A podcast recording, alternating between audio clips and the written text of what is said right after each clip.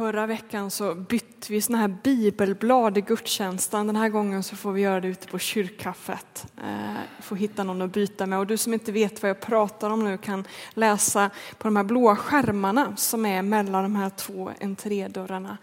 Eh, så kan du läsa om det här projektet med bibelbladen. Förra veckan så var ju temat stressad att hantera veckan veckan och tyvärr var det, blev något tekniskt fel då så vi kunde inte lägga ut den predikan som ljudfil. Men idag la jag ut mitt manus på vår eh, nedlagda blogg som vi inte använder längre och som därför är lite svår att hitta. Men om du googlar Ryttargårdskyrkan och blogg eh, så bör du hitta den så finns mitt manus där du som vill läsa. Eh. Hur som helst så, så handlar den predikan om vilodagen. Vi ska börja med en liten repetition. Eh, jag berättar då att Gud påbjöd det judiska folket i Gamla Testamentet att vila var sjunde dag.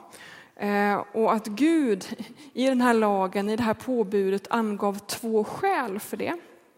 Det första var att man skulle vila till minne av skapelseberättelsen. Eh, Vilodagen skulle vara en påminnelse om att Gud hade skapat världen på sex dagar och att han vilade på den sjunde och att världen är en gåva från Gud och att vi ska, ska få möjlighet att njuta av denna gåva var sjunde dag. Eh, och att vi ska påminnas om att Gud är skaparen, att det vi inte hinner göra på sex dagar, det gör Gud. Han, han är den som håller världen i våra, sina händer. Det är inte vi eh, som måste fixa allting. Utan att vila var sjunde dag är en slags troshandling när vi bekänner att Gud är skapare av himmel och jord.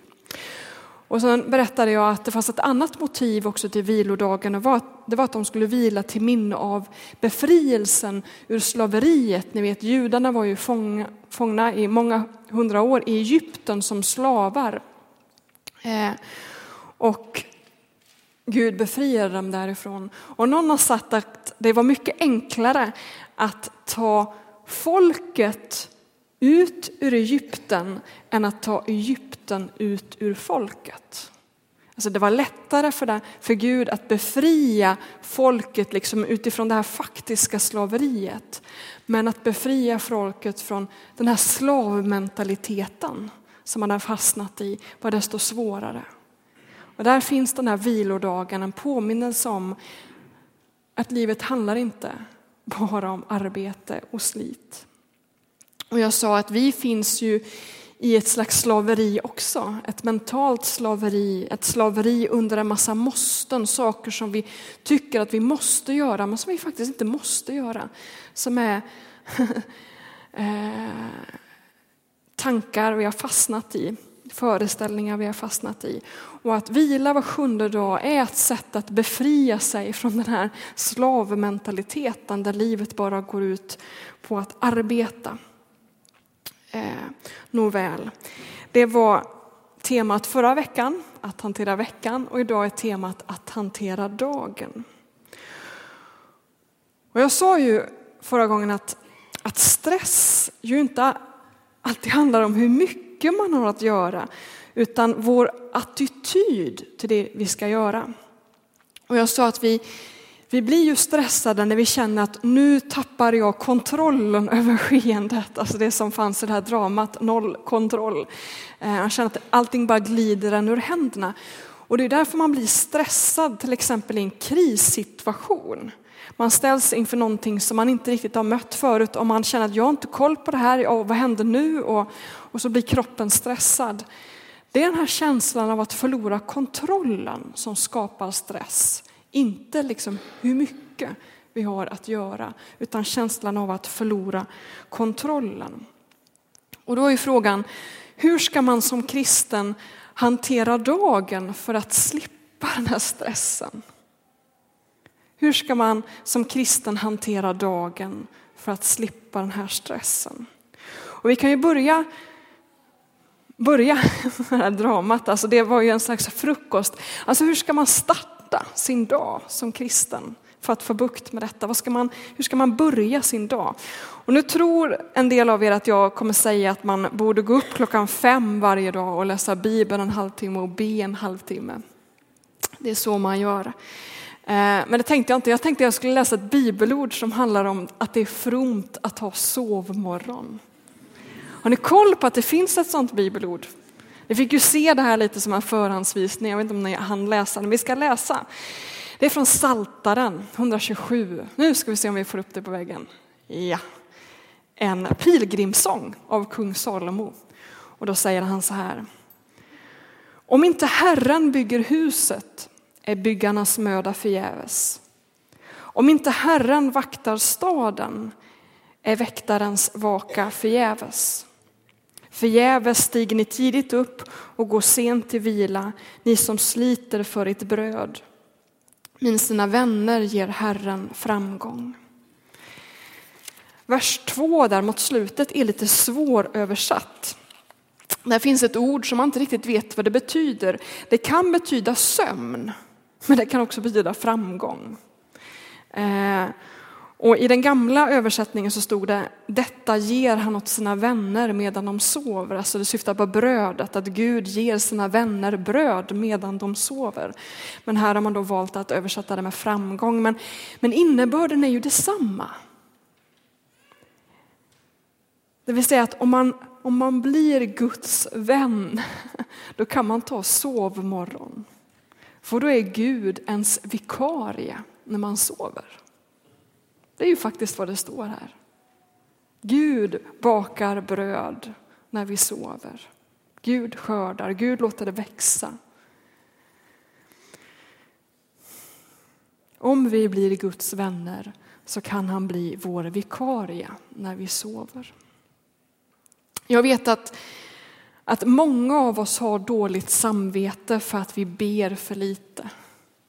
Jag vet det. Och många av oss har märkt ber, ber för lite för att vi tror att det bara är de långa bönerna som räknas.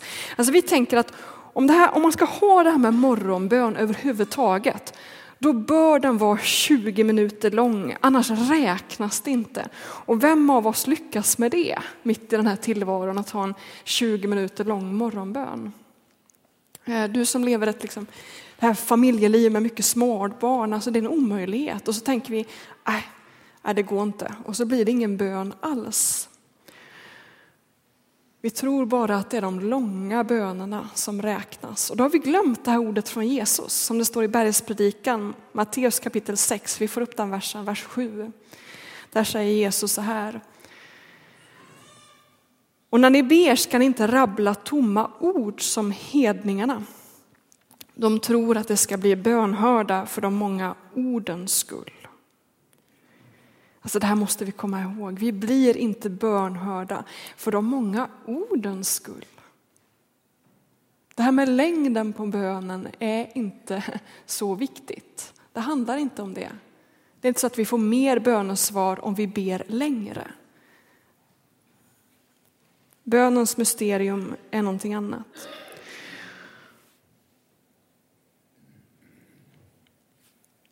Förra veckan så sa jag att, att vi är ju inte judar, därför är vi heller inte ålagda att följa den judiska lagen. Och det är ju i den här judiska lagen vi finner det här påbudet, påbudet om sabbaten. Så det är inte, vårt, det är inte vår, vårt, ett bud som vi ska hålla, men jag sa att vi, vi blir frälsta genom tro, inte genom laggärningar, men att vila kan vara troshandling en handling som, som väcker tro i oss, som föder tro i oss. Och att vila är att tro på Gud, att han ger mig bröd medan jag sover.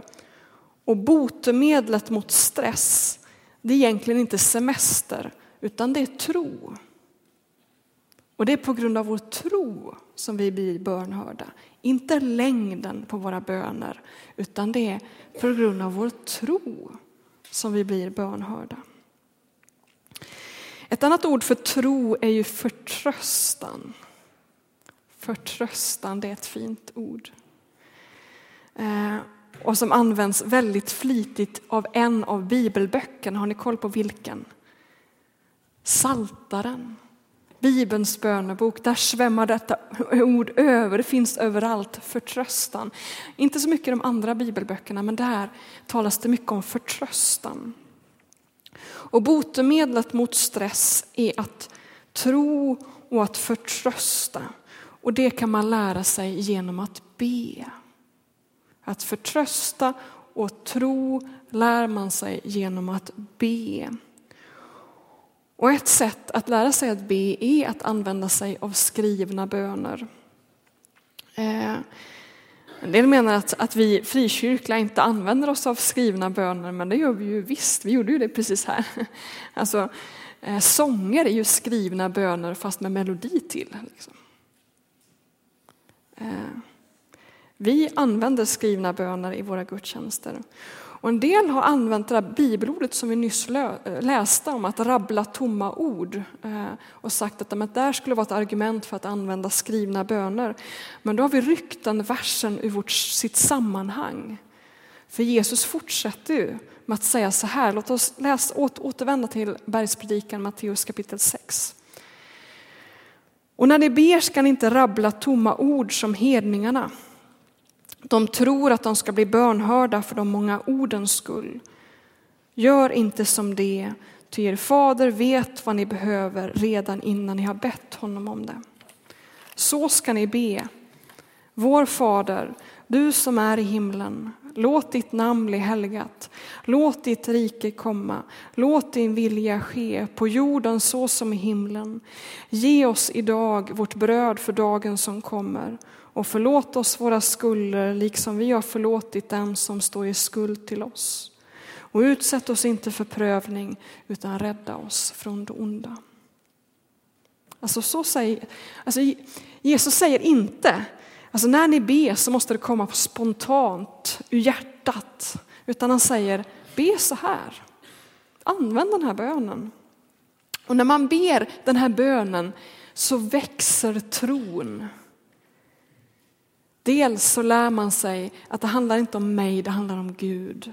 Den här bönen sätter Guds ära och rike i centrum. Det är, ett, det är ett botemedel mot stress. Att just komma ihåg detta, att Gud har kontroll.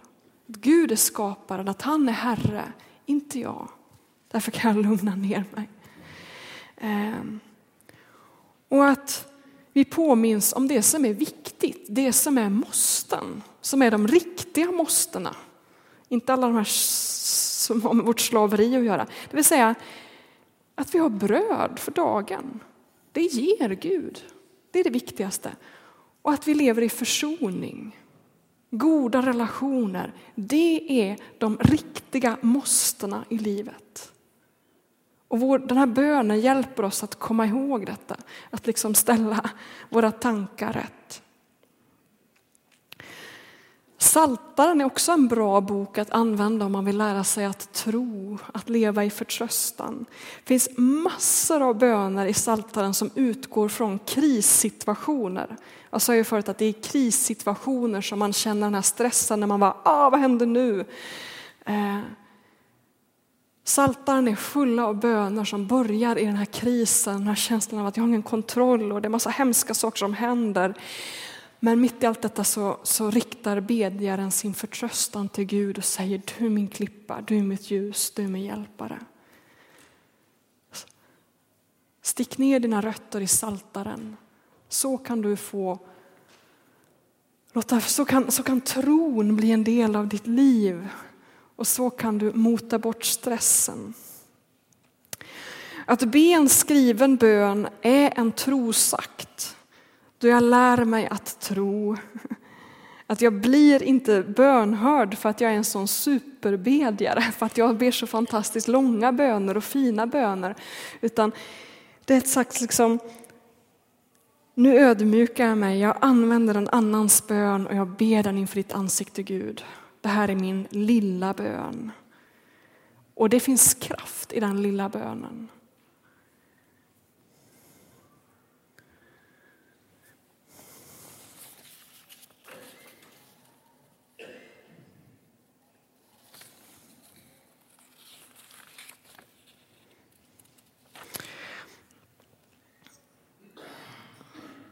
Jag tänker att vi ibland tror att, att, att för att Gud ska kunna göra skillnad i mitt liv så måste jag göra någonting svårt. Kommer ni ihåg den här berättelsen, ni som, som kan i gamla testamentet, om Naman? Den hedniske mannen eh, från Syrien tror jag. Som hade hört att, eh, att det fanns en, en profet, en, en helig man i Israel. Naman hade fått spetälska, vilket ju var en jätteallvarlig sjukdom på den här tiden. Och han hade hört att det fanns en, en man som kunde utföra mirakel i Israel. Så han åker dit, till Elia. Och eh, jag tror inte ens, ens Elia kommer ut, att han får bara höra av någon tjänare att Naman ska gå och doppa sig i Jordanfloden. Så ska han bli frisk. Och Naman blir så upprörd för han hade förväntat sig något mer. Vadå? Vi har, väl, liksom, vi har ju floder i vårt land också. Varför ska jag doppa mig i den här sketna lilla, lilla floden? Och så säger han, jag hade förväntat mig att liksom, den här mannen skulle komma ut och be långa böner och göra liksom. Så då, nej, de åker tillbaka. Men då säger Namans kompis att Alltså, nu när han har sagt att du ska göra någonting sånt där enkelt, liksom, varför inte Tänk om man hade bett att göra något jättesvårt. Alltså varför? Det är som att vi krånglar till saker och ting. Vi tänker att nej, men om Gud ska gripa in så måste det vara så komplicerat och stort och, och, och det ska ta lång tid och det ska vara mycket. Liksom. Eh, och det gör att Naman liksom, han, han struntar i att göra det här enkla att gå och bada i Jordan. Men så gör han det och han blir frisk. Och jag tänker när det gäller våra liv, att vi tänker att nej, men om jag ber 20 minuter varje dag, då kan Gud göra under i mitt liv. Och så vet vi, vi hinner inte be 20 minuter per dag och så ber vi inte alls.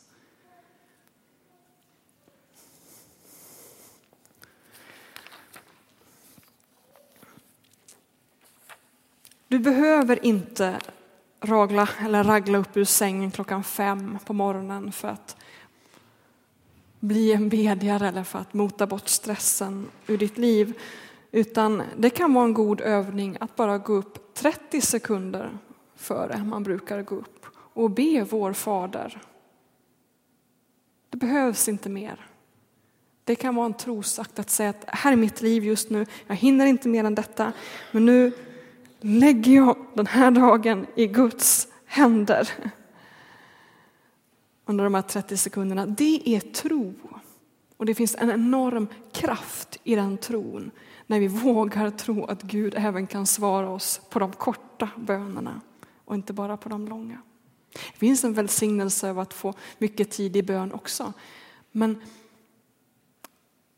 om det är ditt liv just nu, ge Gud de där 30 sekunderna. Lägg dagen i Guds händer och sen får det bli som det blir. Det kan vara så att det blir exakt den här tillvaron som vi såg. Allt är rörigt och det sker saker. Och vi, vi vet ju inte vad dagen har liksom i, i sitt sköte. Vad som helst kan hända. För vi har ju inte koll. Vi har ju inte koll. Gud har koll. Därmed inte sagt att när man har gjort detta, att man har lagt dagen i Guds händer på morgonen där, så betyder inte det att allting som sker den här dagen är Guds vilja. Kristna har ingen ödestro. Ibland hör jag av våra samtal att vi ibland tror det. Vi säger när det har hänt någonting hemskt och så säger vi, men vad ville Gud med det här? Eller vad var det för mening med det här? Eller, allt som sker i den här världen är inte Guds vilja. Den här världen är fylld av nio miljarder människor som har en fri vilja och som gör som de vill och då händer en massa konstiga saker. Folk blir sjuka, folk råkar ut för olyckor, folk gör varandra illa. Det är sånt som händer. Visst, Gud kan genom bönen gripa in och agera.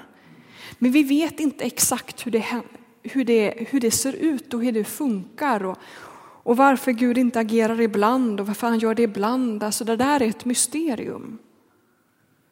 Så detta att vi liksom lägger dagen i Guds händer betyder inte att då plötsligt så, så, så sker allting efter Guds vilja. Liksom. Utan vi råkar ut för saker. Och, och Paulus är supertydlig med detta i sina brev, att, att som kristna blir vi inte liksom frälsta från alla svårigheter. Nästan tvärtom. Han säger så här i Romarbrevet 8, och jag läste förut, för det här är så viktigt att vi kommer ihåg. Romarbrevet 8, vers 35, när han säger att vi blir inte frälsta från svårigheterna, utan vi blir frälsta mitt i svårigheterna. Det kanske jag glömde som textreferens. Romarbrevet 8, 35, ja, till 39. Vem kan då skilja oss från Kristi kärlek? Nöd eller ångest? Förföljelse eller svält? Nakenhet, fara eller svärd?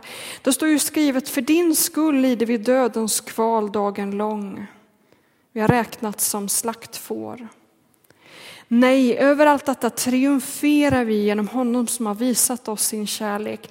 Ty jag är viss om att varken död eller liv, varken änglar eller andemakter, varken något som finns eller någonting som kommer, varken krafter i höjden eller krafter i djupet eller något annat i skapelsen ska kunna skilja oss från Guds kärlek i Kristus Jesus vår Herre.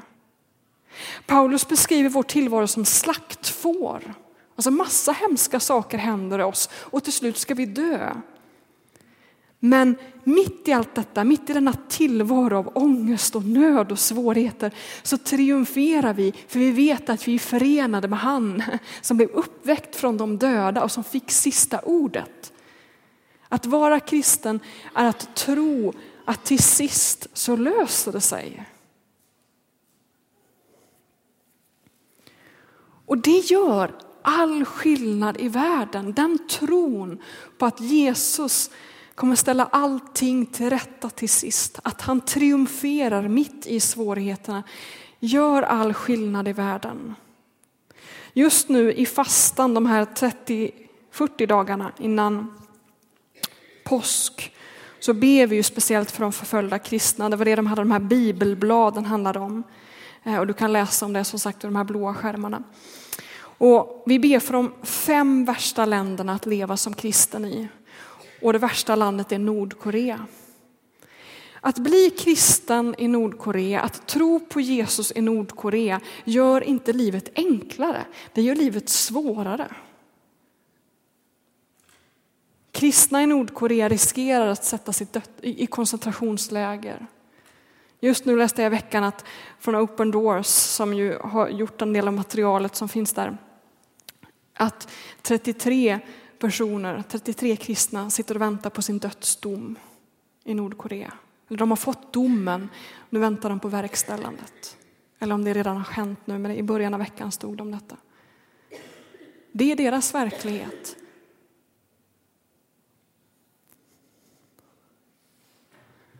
Men mitt i ett koncentrationsläger så kan man ändå förtrösta så kan man triumfera för man vet att Gud har koll. Till syvende och sist så ligger mitt liv i Guds händer.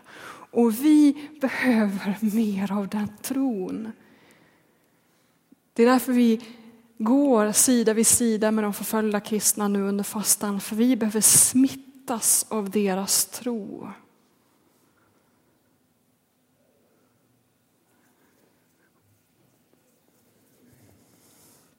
Öva dig i den tron genom att be vår Fader när du stiger upp.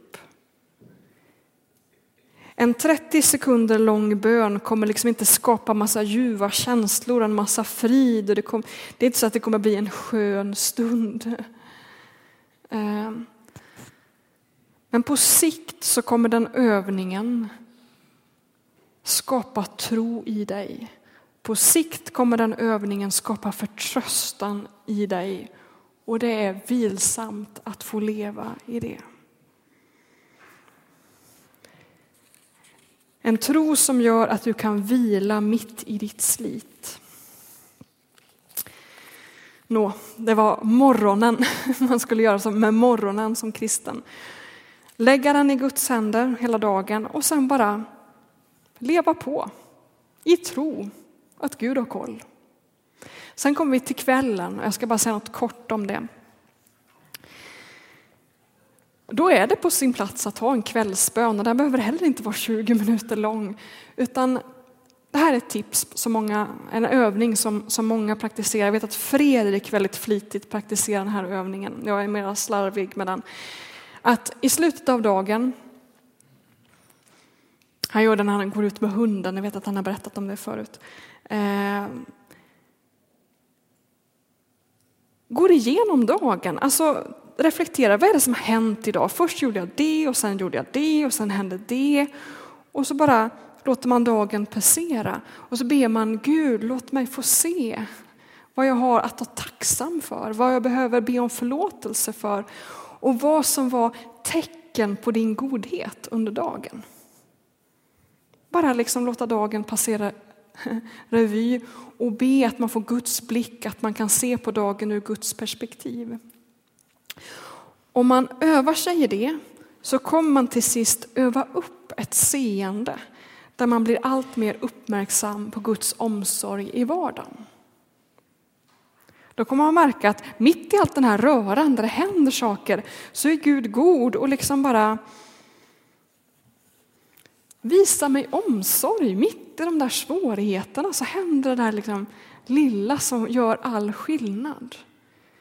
Det är ett sätt att, att, att, att, att få rötter i detta med att Gud älskar mig.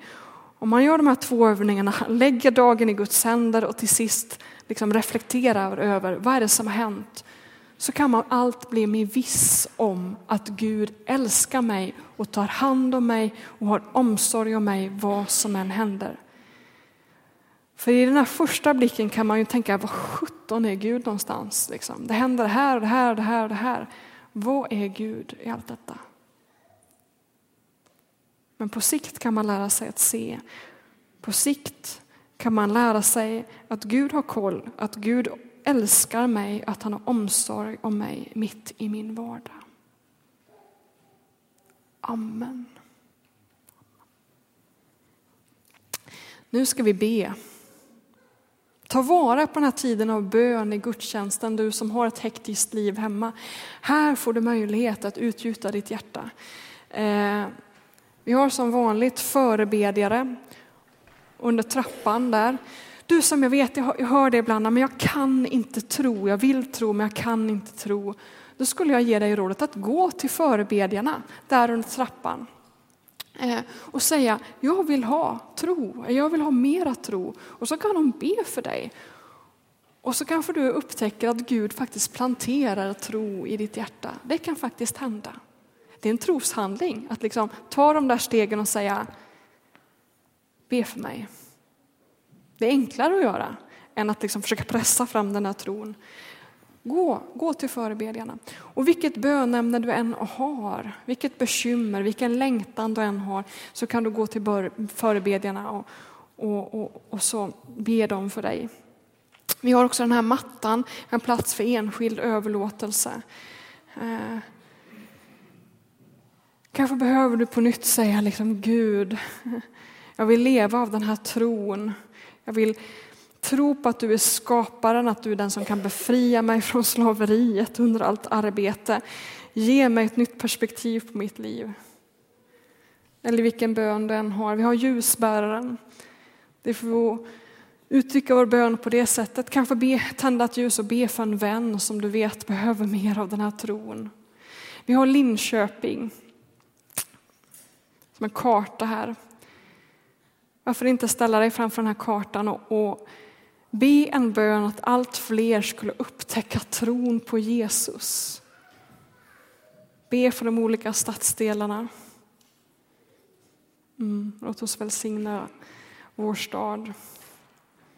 Och så leder Sten oss i, i tillbedjan, i bön, genom de skrivna bönerna i sångerna. Låt oss be. Vi står upp.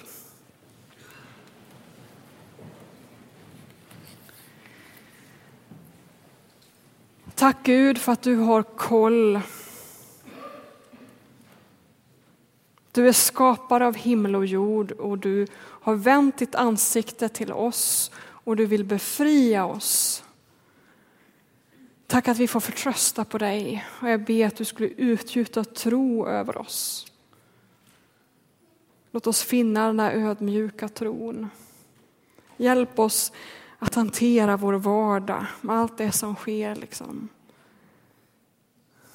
Tack för våra bröder och systrar som, som är trogna dig mitt i förföljelsen. Låt dem sporra oss till att allt mer ta vår tro på allvar. Led oss denna bönestund och låt oss få smaka mer av dig. Herre, välsigna speciellt den som, som inte vågar gå fram till någon av bönestationerna. där förebedjarna kom med mod. Att ta det där steget mot dig. I Jesu namn. Amen.